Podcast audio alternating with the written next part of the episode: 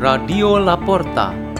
The door is open for you for the growing of knowledge and wisdom of God.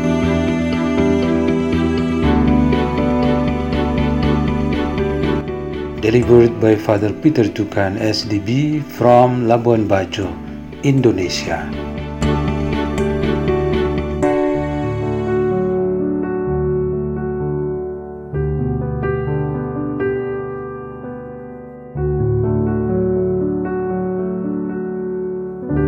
Reading and meditation on the Word of God on Saturday of the fourth week in Ordinary Time, February 5th, 2022, Memorial of Saint Agatha, Virgin and Martyr.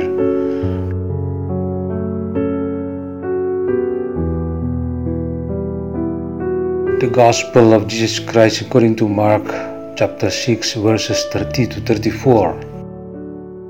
The apostles gathered together with Jesus and reported all they had done and taught. He said to them, Come away by yourselves to a deserted place and rest a while. People were coming and going in great numbers, and they had no opportunity even to eat. So they went off in the boat by themselves to a deserted place. People saw them leaving, and many came to know about it. They hastened there on foot from all the towns and arrived at the place before them. When Jesus disembarked and saw the vast crowd, his heart was moved with pity for them, for they were like sheep without a shepherd, and he began to teach them many things. The Gospel of the Lord.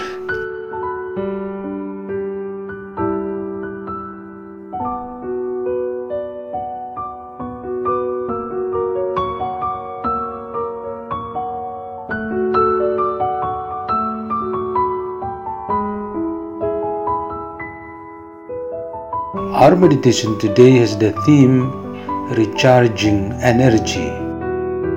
There are many testimonies, both directly from the person and through social media, about the danger of using a cell phone while being recharged. People give warnings to one another not to make or receive calls when the mobile phone is being recharged.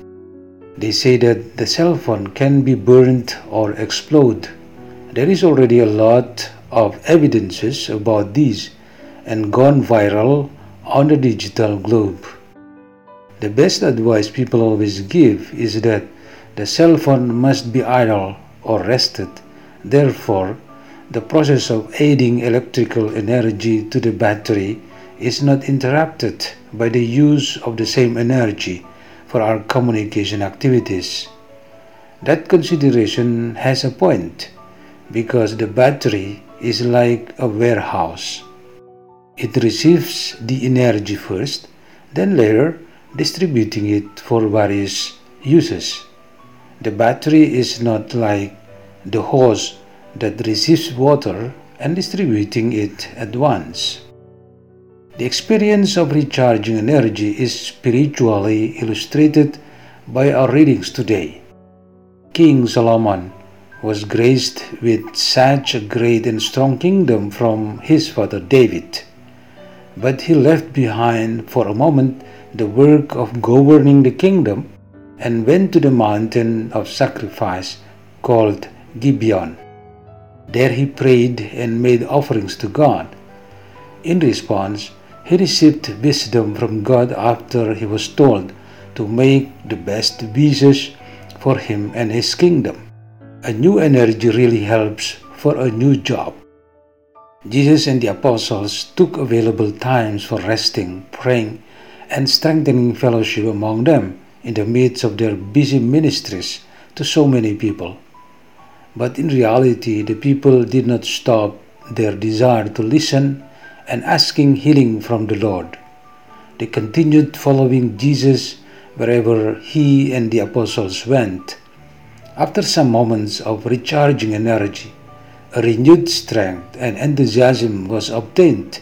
With great love of a shepherd, Jesus exclaimed that he was moved by compassion for them because they are like sheep without a shepherd.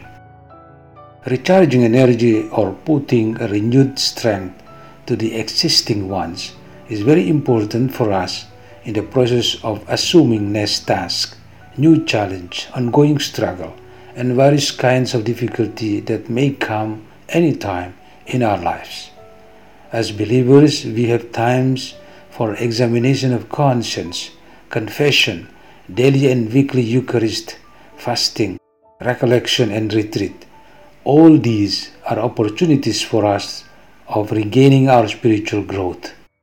If these are just spiritual activities in our routine style, we might find ourselves like a water hose, accepting energy and let it go at once.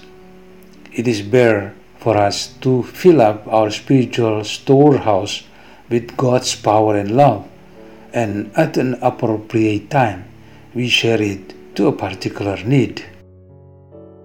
Let's pray. In the name of the Father, and of the Son, and of the Holy Spirit. Amen. O Lord Jesus Christ, fill us with the same compassion as you always have for the flock who needs a good shepherd. Glory to the Father, and to the Son, and to the Holy Spirit, as it was in the beginning, is now, and will be forever. Amen. In the name of the Father, and of the Son, and of the Holy Spirit. Amen. Radio La Porta. The door is open for you.